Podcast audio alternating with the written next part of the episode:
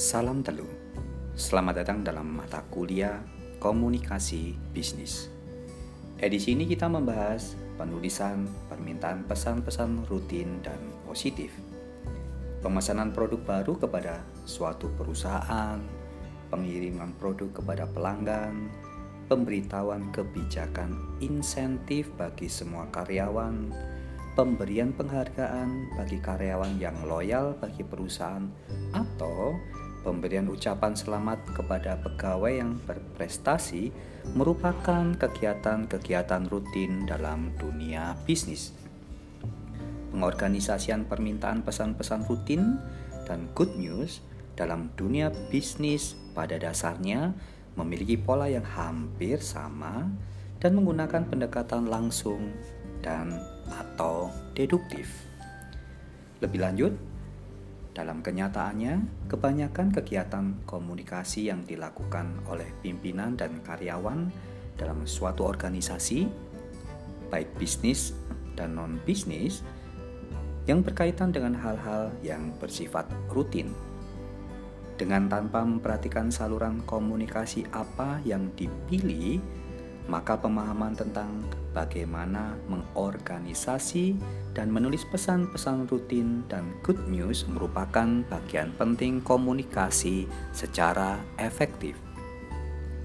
Kebanyakan pesan-pesan rutin, good news, dan goodwill diminati oleh pembaca karena pesan-pesan tersebut berisi informasi yang diperlukan untuk melakukan kegiatan bisnis setiap hari.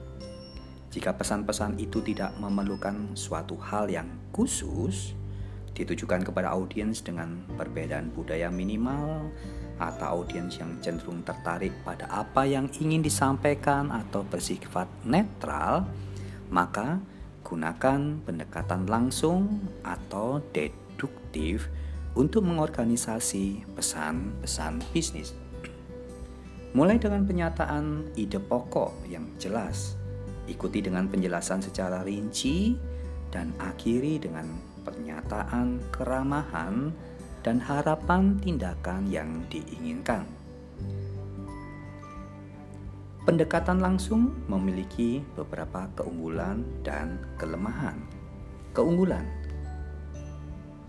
meningkatkan pemahaman secara komprehensif ketika pertama kali membaca suatu pesan menekankan pada hasil suatu analisis yang telah Anda lakukan, menghemat waktu bagi pembaca karena mereka dapat segera mengetahui apa maksud pesan tersebut dan juga dapat memutuskan segera pada bagian mana yang perlu memperoleh perhatian dan yang tidak perlu perhatian sama sekali.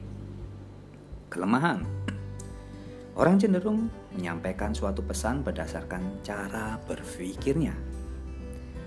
Kesulitan untuk mengubah pola pikir yang cenderung to the point, hal ini berkaitan dengan pola pendidikan sebelumnya yang telah diajarkan. Strategi permintaan pesan-pesan rutin. Pada umumnya, permintaan pesan-pesan rutin merupakan hal yang normal atau lazim dalam kegiatan bisnis dengan menggunakan pendekatan langsung untuk permintaan pesan-pesan rutin, apa yang diminta pada bagian awal atau permulaan dalam penyampaian pesan-pesan bisnis merupakan suatu hal yang perlu mendapatkan perhatian.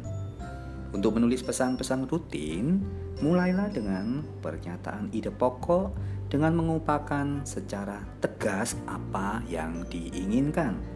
Usahakan pernyataan awal lebih spesifik sehingga mudah dipahami oleh pembaca.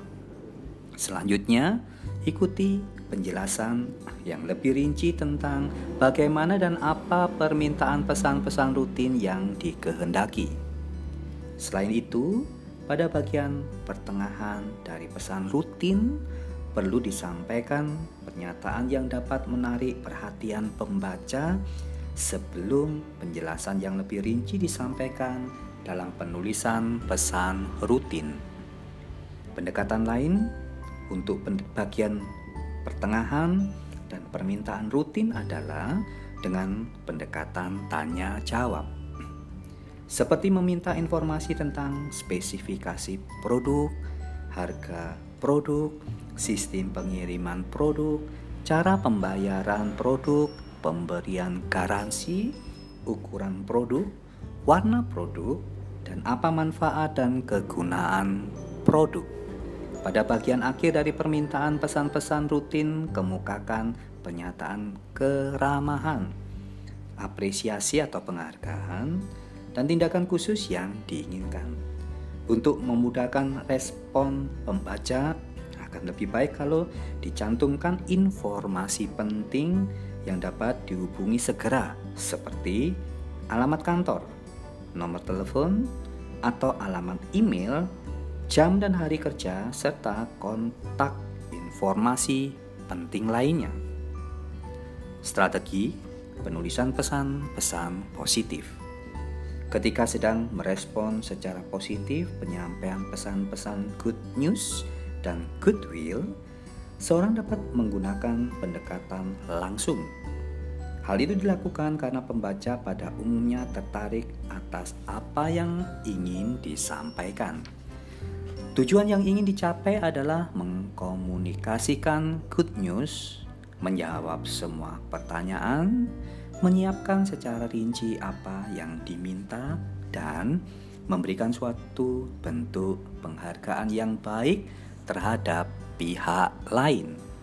Yang lebih penting, apa pun bentuk permintaan yang diinginkan, usahakan selalu sopan, ramah, dan tidak emosional.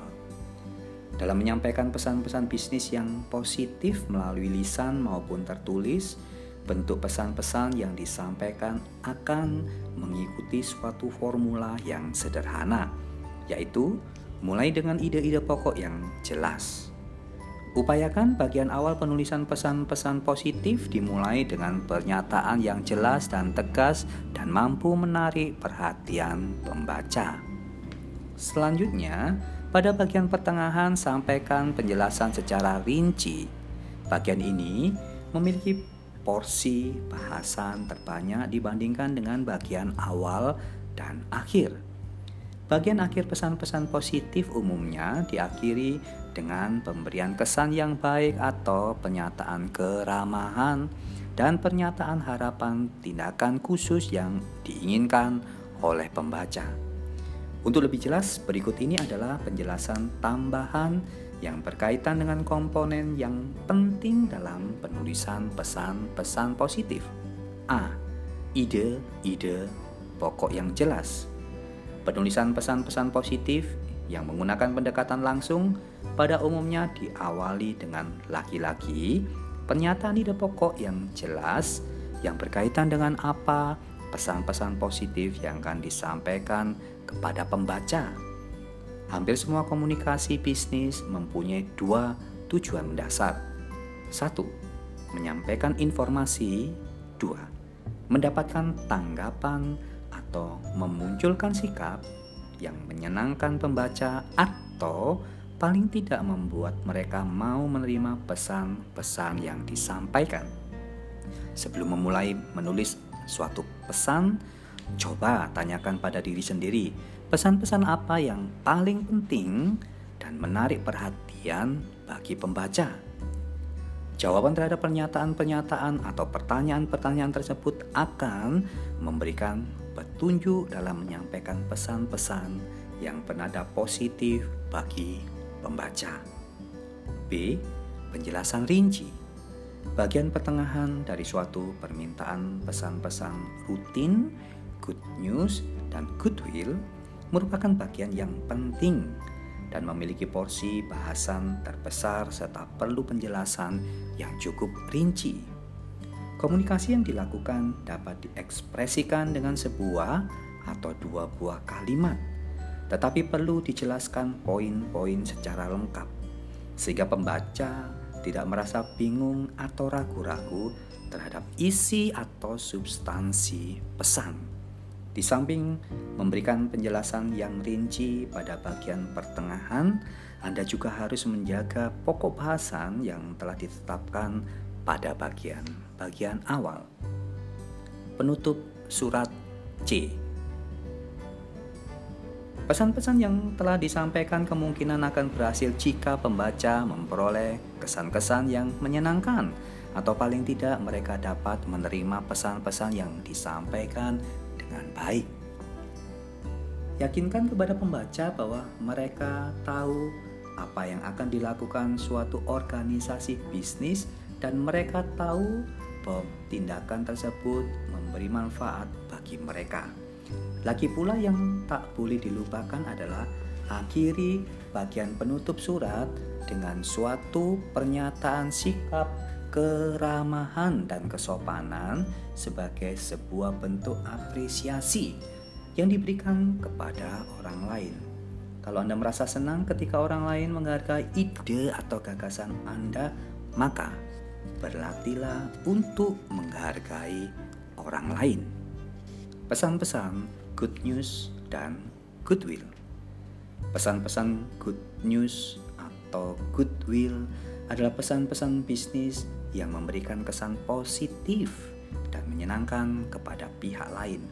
Melalui pesan-pesan good news dan goodwill, para pelaku bisnis dapat melakukan berbagai upaya untuk mengembangkan dan menjaga hubungan yang baik dengan para pelanggan, klien, karyawan, dan masyarakat publik pada umumnya. Apalagi dalam dunia bisnis seperti sekarang ini yang cenderung bebas dan persaingan semakin ketat, terbuka dan mengglobal, menjaga relasi dengan para pelanggannya memiliki arti yang sangat penting bagi dunia bisnis. Good news tentang pekerjaan. Bagaimana mendapatkan pelamar kerja yang cocok, dan memilih orang-orang yang tepat untuk mengisi lowongan kerja merupakan pekerjaan yang tidak mudah. Oleh karena itu, suatu organisasi yang membutuhkan karyawan baru harus betul-betul melakukan proses seleksi dan rekrutmen secara tepat sesuai dengan yang dikehendakinya. Apalagi kalau kita perhatikan di lapangan, fakta menunjukkan bahwa para pelamar kerja sering kali jauh lebih banyak daripada posisi pekerjaan yang akan dipilih. Pada umumnya, surat yang menginformasikan kabar baik atau berita yang menyenangkan menggunakan pendekatan langsung, namun tidak menutup kemungkinan sesuatu yang menyenangkan atau mengembirakan pihak lain diungkapkan dengan pendekatan tidak langsung, terutama jika penyampaian pesannya dilakukan secara lisan. Sebagai contoh, coba perhatikan dan cermati dengan baik dunia bisnis pertelevisian, khususnya yang berkaitan dengan bagaimana proses pengumuman hasil audisi yang dilakukan oleh beberapa stasiun TV swasta di Indonesia. Sebelum pengumuman hasil audisi diberikan, para peserta diuji mentalnya dengan berbagai cara yang unik dan membuat detak jantung mereka semakin keras. Selanjutnya, baru diumumkan bahwa yang bersangkutan dinyatakan lulus audisi dan layak maju ke babak selanjutnya. Good news tentang produk. Untuk menjaga para pelanggannya, perusahaan dapat mengembangkan strategi bisnisnya dengan penetapan harga produk yang kompetitif, produk yang berkualitas, pemilihan metode promosi yang tepat, dan pemilihan saluran distribusi yang tepat pula. Dalam dunia bisnis yang real di lapangan dapat dijumpai bermacam-macam good news yang berkaitan dengan produk antara lain pemberian diskon harga produk hingga 50%, Sistem beli tiga produk dapat tambahan satu produk gratis atau buy three get one free. Pemberian kupon diskon harga produk. Membeli produk dalam jumlah tertentu memperoleh hadiah langsung maupun diundi. Produk rusak, uang kembali atau ditukar dengan produk yang baik.